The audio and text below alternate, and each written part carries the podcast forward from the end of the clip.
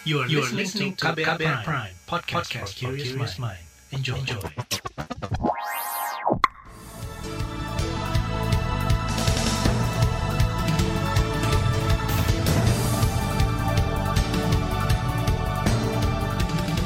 Selamat pagi saudara, senang sekali kami bisa menjumpai Anda kembali melalui program Buletin Pagi edisi Selasa 2 November 2021 bersama saya Naomi Liandra. Sejumlah informasi pilihan telah kami siapkan di antaranya. BPOM izinkan penggunaan Sinovac untuk anak di bawah 12 tahun. Pemerintah hapus syarat wajib PCR untuk transportasi udara. Sejumlah daerah terimbas fenomena lanina. Inilah Buletin Pagi selengkapnya terbaru di Buletin Pagi. Badan Pengawasan Obat dan Makanan BPOM mengeluarkan izin penggunaan darurat Emergency Use Authorization vaksin COVID-19 Sinovac untuk anak usia 6 hingga 11 tahun. Kepala BPOM Penny Kalukito mengatakan vaksin CoronaVac itu dinyatakan aman usai menjalani serangkaian uji klinis fase 1 dan fase 2B. Ia mengklaim angka imogenesitas atau tingkat respon tubuh terhadap vaksin dinilai cukup tinggi, yakni 96 persen. Jadi ini menyusul pada uh, izin penggunaan sebelumnya yaitu 12 sampai 17 tahun. Jadi sekarang penggunaan dari vaksin Sinovac bisa digunakan untuk vaksinasi anak untuk usia 6 sampai dengan 17 tahun dan tentunya dewasa. Penny mengatakan vaksinasi COVID-19 untuk anak dianggap penting seiring dimulainya pembelajaran tatap muka di sejumlah sekolah. Namun izin penggunaan Sinovac untuk balita belum diputuskan. Pasalnya BPOM perlu mengkaji data menyeluruh, sebab anak-anak usia dini membutuhkan kehati-hatian yang lebih untuk bisa divaksinasi. Kementerian Kesehatan segera berkonsultasi dengan sejumlah pihak seperti Asosiasi Dokter Anak IDAI untuk menindaklanjuti hasil uji klinis BPOM terkait vaksinasi anak. Juri bicara vaksinasi Siti Nadia Tarmizi mengatakan Kemenkes tengah menyiapkan rencana petunjuk teknis pelaksanaan vaksinasi anak. Karenanya, pemerintah belum memutuskan apakah rencana vaksinasi anak pada tahun depan akan dipercepat menjadi tahun ini. Nanti kita mendengar bagaimana rekomendasi dari khususnya IDAI dan juga organisasi profesi lainnya bersama ITAGI. Uh, kita akan menyiapkan ya petunjuk teknis, pelaksanaan screeningnya seperti apa, kemudian uh, proses uh, pelaksanaan vaksinasi pada anak usia uh, 6 sampai 11 tahun ini akan dilakukan di mana, apakah kita lakukan sama seperti pada anak usia uh, 12 sampai 17 tahun. Ini yang tentunya perlu ada persiapan-persiapan ya untuk pelaksanaan vaksinasi kepada anak ini. Jubir vaksinasi Kemenkes Siti Nadia Tarmizi berharap orang tua mengizinkan anaknya divaksinasi dan tidak pilih-pilih merek atau jenama vaksin. Selain itu, saat proses penyuntikan, para orang tua diharapkan turut mendampingi anak-anaknya. Nadia menegaskan pemerintah akan mengupayakan ketersediaan vaksin bagi anak. Saat ini baru vaksin Sinovac yang mendapat izin penggunaan darurat dari BPOM. Ada dua jenama vaksin lain yang uji klinis untuk anak yaitu Pfizer dan Sinopharm. Komisi Nasional Kejadian Ikut Pasca Imunisasi Komnas KIPI memastikan penggunaan vaksin Sinovac untuk anak usia 6 sampai 11 tahun telah memenuhi syarat daya lindung serta keamanan usai lulus uji klinis. Namun Ketua Komnas KIPI Hindra Irawan Satari meminta pemberian vaksinasi untuk anak di bawah 12 tahun terus dikawal. Yang di atas 12 tahun juga cakupannya cukup uh, memuaskan hmm. dan aman ya. ya. Uh, ya. Jadi kita harapkan semua masyarakat, saya sih mengharapkannya eh, teman-teman ketahanan keluarga. Ini ujian kita dua bulan ini nih, November sama Desember nih. Kalau November sama Desember cakupan imunisasi meningkat, kemudian 3M, 3T kita konsisten, kelandaian ini dapat kita pertahankan. Itu tadi Ketua Komnas KIPI Hindra Irawan Satari. Sementara itu Ketua Perhimpunan Alergi dan Imunologi Indonesia Iris Rengganis mengapresiasi izin vaksinasi untuk anak. Ia berharap keputusan ini bisa mempercepat cakupan vaksinasi di Indonesia. Menurutnya imunitas juga harus dibentuk pada anak untuk mencegah penularan COVID-19 di sekolah. Ikatan Dokter Anak Indonesia IDAI mengingatkan pentingnya vaksinasi corona untuk anak di bawah usia 12 tahun. Ketua IDAI Piprim Pasarah beralasan kasus kematian anak akibat COVID-19 di tanah air pernah tertinggi sedunia. Karenanya vaksinasi ini diharapkan dapat mengurangi risiko penularan dan kematian anak akibat COVID-19. Dan pesan eh, saya dari IDAI ya, untuk semua orang tua ya, silakan jangan ragu-ragu untuk membawa putra-putrinya melakukan vaksinasi COVID-19 ini. Lagi ini eh, menjadi program pemerintah juga ya. Karena anak-anak itu selain bisa tertular, juga bisa menularkan. Anak-anak ya. ini banyak yang jadi OTG, sehingga dia tidak ketahuan mengidap eh, COVID, kemudian menularkan ke mana-mana. IDAI dalam waktu dekat akan membuat panduan lengkap mengenai syarat anak bisa disuntik vaksin COVID-19. Kata dia, anak dengan kondisi kesehatan terganggu semisal sakit keras maupun imunokompromis tidak bisa divaksinasi. Pimpri menyebut ada hampir 5 ribuan dokter anak akan mendukung kesuksesan vaksinasi anak di tanah air. Berdasar data dokter anak se-Asia Pasifik, lebih dari 66 persen keluarga Indonesia saat ini tinggal dengan anak dan lansia. Anak-anak 13 persen lebih berisiko terinfeksi corona dibanding lansia. Pemerintah hapus syarat wajib PCR untuk transportasi udara. Informasi selengkapnya hadir sesaat lagi. Tetaplah di Buletin Pagi KBR. You're listening to KBR Pride, podcast for curious mind. Enjoy!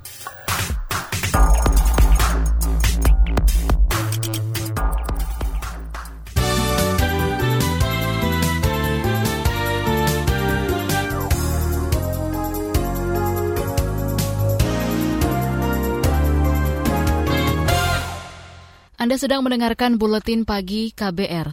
Pemerintah tidak lagi mewajibkan tes PCR untuk calon penumpang pesawat di seluruh penerbangan domestik. Hal itu diungkap Menteri Koordinator Bidang Pembangunan Manusia dan Kebudayaan Muhajir Effendi saat jumpa pers evaluasi mingguan pemberlakuan pembatasan kegiatan masyarakat PPKM kemarin. Untuk perjalanan eh, akan ada perubahan, yaitu untuk wilayah eh, Jawa dan Bali perjalanan udara tidak lagi mengharuskan menggunakan uh, tes PCR, tetapi cukup menggunakan tes antigen, uh, sama dengan yang sudah diberlakukan untuk wilayah uh, luar Jawa, non Bali. Ya. Pemerintah juga mengatur pergerakan orang di lokasi wisata hingga tempat peribadatan untuk menekan mobilitas massa saat libur Natal dan Tahun Baru. Caranya yaitu dengan merevisi sejumlah aturan kegiatan sosial masyarakat. Menko PMK Muhajir Effendi menambahkan, aturan-aturan pencegahan COVID-19 saat Nataru akan diperkuat upaya tes, pelacakan, dan isolasi, serta percepatan vaksinasi. Kementerian Kesehatan memerintahkan sekolah yang terjadi klaster COVID-19 ditutup sementara. Menteri Kesehatan Budi Gunadi Sadikin mengatakan aturan itu berlaku bila lonjakan kasus terjadi dan menyebar di dalam lingkungan sekolah.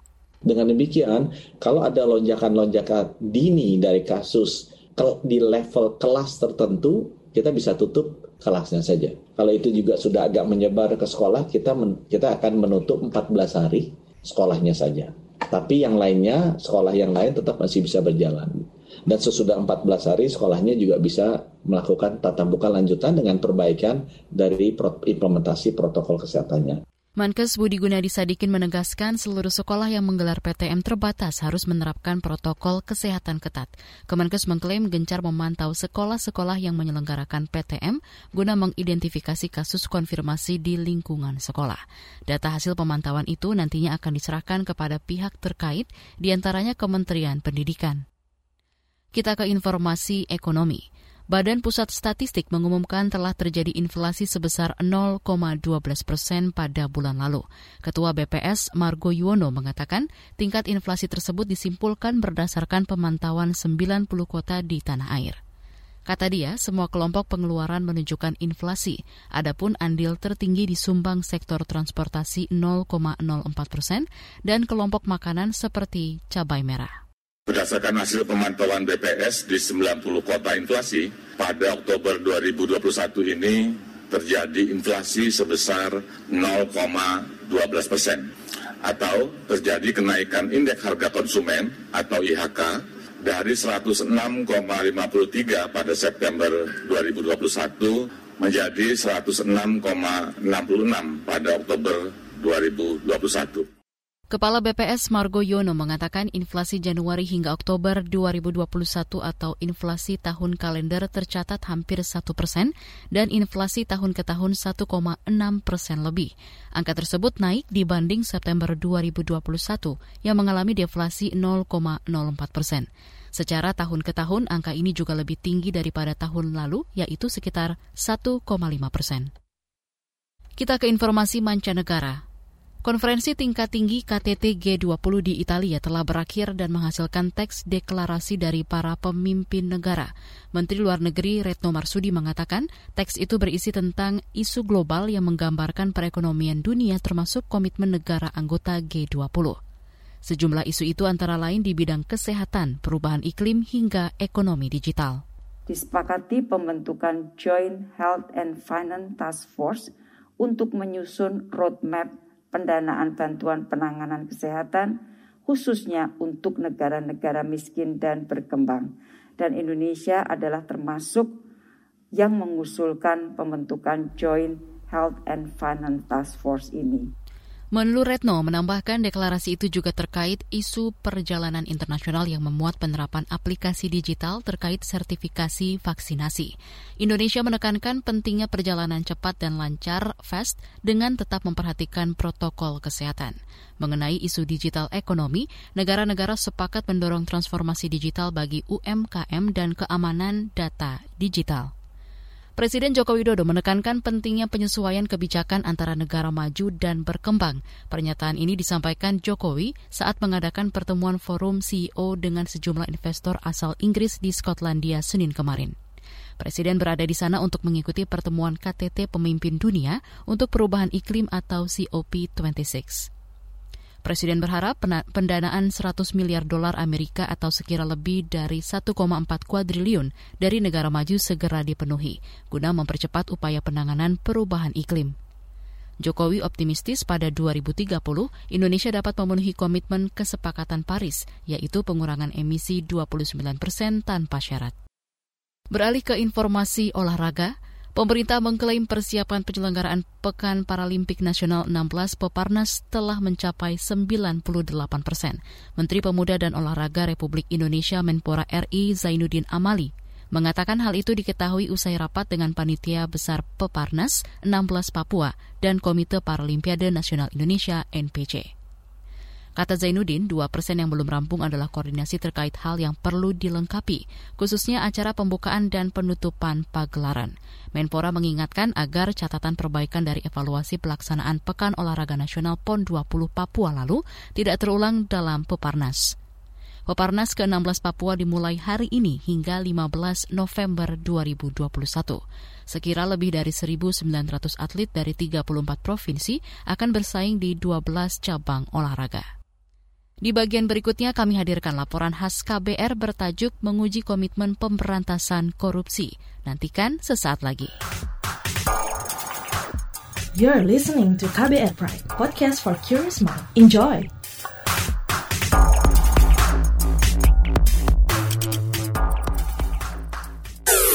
Commercial break.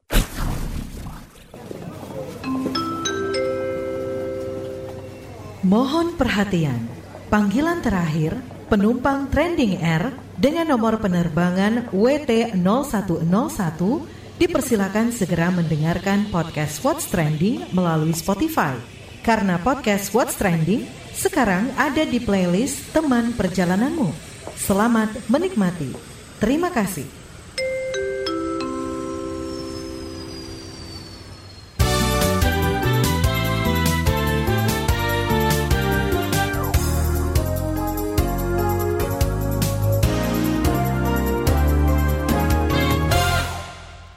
Anda masih bersama kami di Buletin Pagi KBR. Komitmen pemerintahan Joko Widodo dan Maruf Amin dalam memberantas korupsi diragukan sejumlah pihak. Indikatornya antara lain revisi Undang-Undang KPK, dugaan pembiaran pemecatan puluhan pegawai KPK, dan merosotnya Indeks Persepsi Korupsi IPK Indonesia. Lalu bagaimana nasib pemberantasan korupsi jika pemerintah belum menunjukkan keseriusannya? Berikut laporan khas KBR disusun Sindu Darmawan mengembangkan budaya anti korupsi dan menumbuhkan rasa malu menikmati hasil korupsi merupakan hulu yang penting dalam pencegahan tindak pidana korupsi. Pendidikan anti korupsi harus diperluas untuk melahirkan generasi masa depan yang anti korupsi. Tetapi membangun sistem yang menutup peluang terjadinya tindak pidana korupsi juga merupakan kunci utama. Semua lembaga pemerintahan harus terus meningkatkan transparansi, meningkatkan akuntabilitas. Itu tadi pidato Presiden Joko Widodo di Hari Anti Korupsi Sedunia pertengahan Desember tahun lalu. Namun, apa yang disampaikan Jokowi dalam pidato atau janji-janji politiknya bertolak belakang dengan fakta di lapangan. Contohnya, Jokowi bersama DPR memutuskan untuk merevisi Undang-Undang Komisi Pemberantasan Korupsi Undang-Undang KPK yang menuai kontroversi dan penolakan di masyarakat. Selain itu, Indeks Persepsi Korupsi IPK Indonesia dari skor 40 pada 2019 menjadi 37 pada 2020. Jokowi juga dinilai tidak tegas merespon pemecatan puluhan pegawai KPK yang terbukti berintegritas. Ketidaktegasan Jokowi itu disoroti bekas pimpinan KPK Saud Situmorang. Menurutnya, pemerintah sibuk mencari pembenaran dengan menutup satu kesalahan dengan kesalahan yang baru terkait penyelesaian polemik tes wawasan kebangsaan TWK KPK. Kata dia, awal dari semua permasalahan di KPK adalah adanya revisi Undang-Undang KPK. Jadi artinya sudah sangat clear, sudah sangat clear, sangat jelas bahwa mereka berwawasan kebangsaan. Lantas kemudian kenapa kemudian berpindah ke tempat lain? Nah, ini kan ada persoalan persoalan di luar hukum yang saya sebut sebagai persoalan-persoalan sosial budaya, soal-soal manajemen, soal-soal yang apa namanya tidak menyelesaikan korupsi dengan premis-premis anti korupsi gitu loh Mbak. Sejumlah hal tadi menjadi faktor yang membuat kepercayaan sebagian besar masyarakat akan komitmen Jokowi dalam memberantas korupsi memudar. Kepercayaan publik terhadap KPK ikut menurun. Ini berdasarkan survei nasional pada 2020 dan 2021. Padahal selama periode 2016-2018, KPK menjadi lembaga publik urutan pertama yang paling dipercaya. Lembaga anti korupsi anak kandung reformasi itu kini kerap menuai polemik, semisal pelanggaran kode etik dari pimpinan, dugaan korupsi, hingga yang terbaru menggelar rapat di hotel mewah di Yogyakarta. Pemerintah dinilai punya kontribusi terhadap pelemahan KPK dan pemberantasan korupsi. Menurut Indonesia Corruption Watch ICW, Presiden Joko Widodo punya peran penting dalam mengeluarkan kebijakan-kebijakan pemberantasan korupsi. Berikut ini tanggapan Divisi Hukum dan Monitoring Pengadilan Lalola Esther Kaban beberapa waktu lalu. Uh, yang cukup mencengangkan begitu ya seorang buronan kasus korupsi yang sudah bertahun lamanya itu tidak bisa dipanggil untuk pulang menjalani proses hukum di Indonesia kemudian terdeteksi keluar masuk yurisdiksi Indonesia dengan mudah gitu ya. Belakangan kita mengetahui orang bernama Joko Chandra ini kemudian bisa keluar masuk dengan mudah e, dari teritori Indonesia ke negara lain dan begitu juga sebaliknya itu karena ada bantuan dari e, aparat penegak hukum dan dari situ akhirnya mulai terkuak begitu ya bagaimana kekacauan mekanisme penegakan hukum yang ada di Indonesia. Dalam catatan ICW ada sejumlah kasus hukum yang menunjukkan kelemahan kabinet Jokowi Amin dalam penegakan hukum, utamanya pemberantasan korupsi. Antara lain kasus buronan KPK Joko Chandra yang keluar masuk Indonesia meski berstatus buronan. Joko Chandra diketahui dibantu aparat penegak hukum dari kepolisian dan Kejaksaan Agung. Gitu ya. Jadi kita bisa melihat betapa e, hal tersebut akhirnya jadi wajah buruk presiden juga karena tidak ada mekanisme kontrol, tidak ada mekanisme evaluasi gitu ya dari kondisi yang terjadi. Menurut Lalola, hal ini terjadi karena lemahnya pengawasan dan evaluasi dalam penegakan hukum.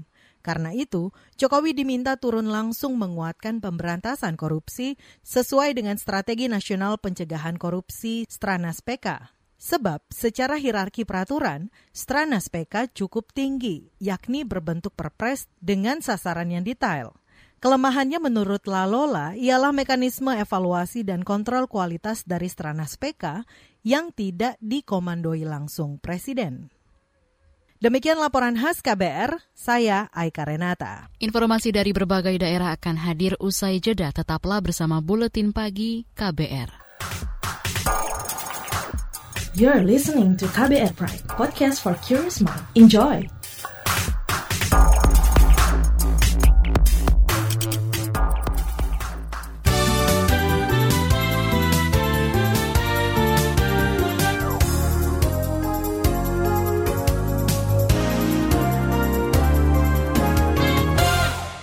Inilah bagian akhir buletin pagi KBR.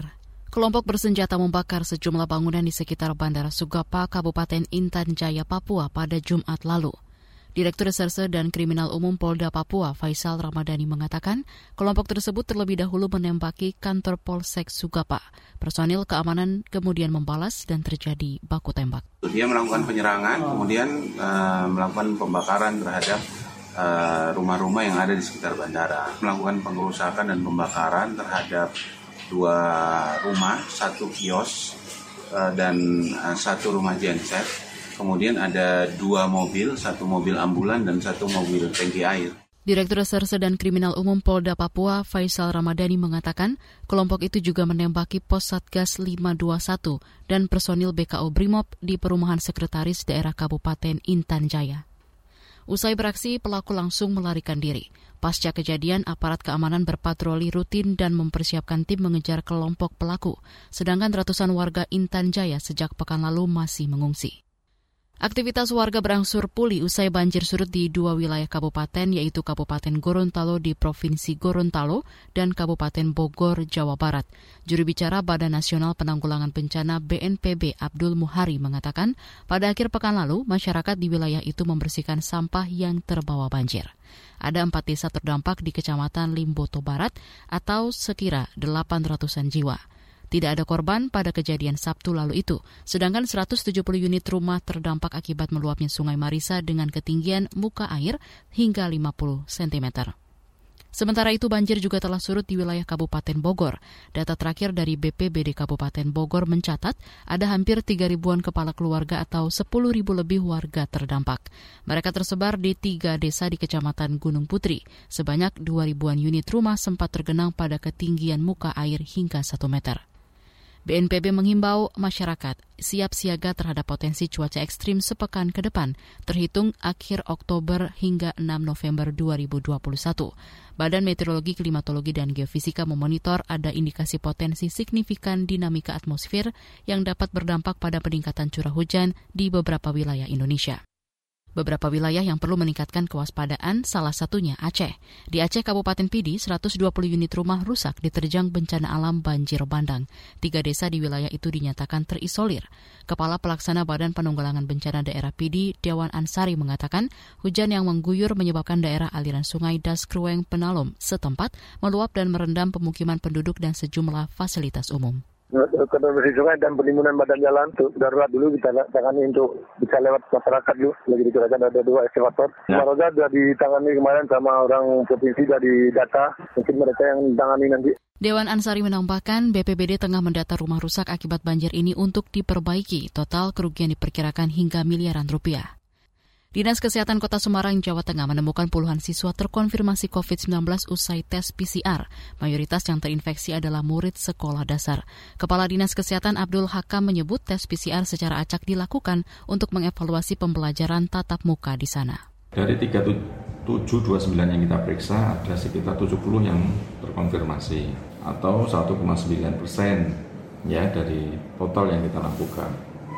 Kita jabarkan yang usia 6 sampai 12 tahun ada 31, 13 sampai 15 ada 23, usia 16 sampai 18 ada 5 dan lebih dari 18 ada 11. Kepala Dinas Kesehatan HK mengaku tengah berkoordinasi dengan Dinas Pendidikan untuk mengevaluasi PTM. Selain itu, ia meminta orang tua murid tetap waspada dan menerapkan protokol kesehatan secara ketat.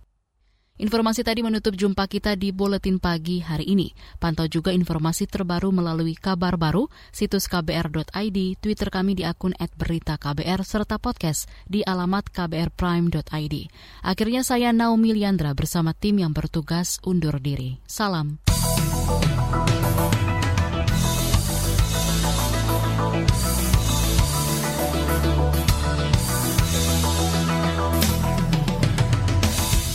KBR Prime, cara asik mendengar berita. KBR Prime, podcast for curious mind.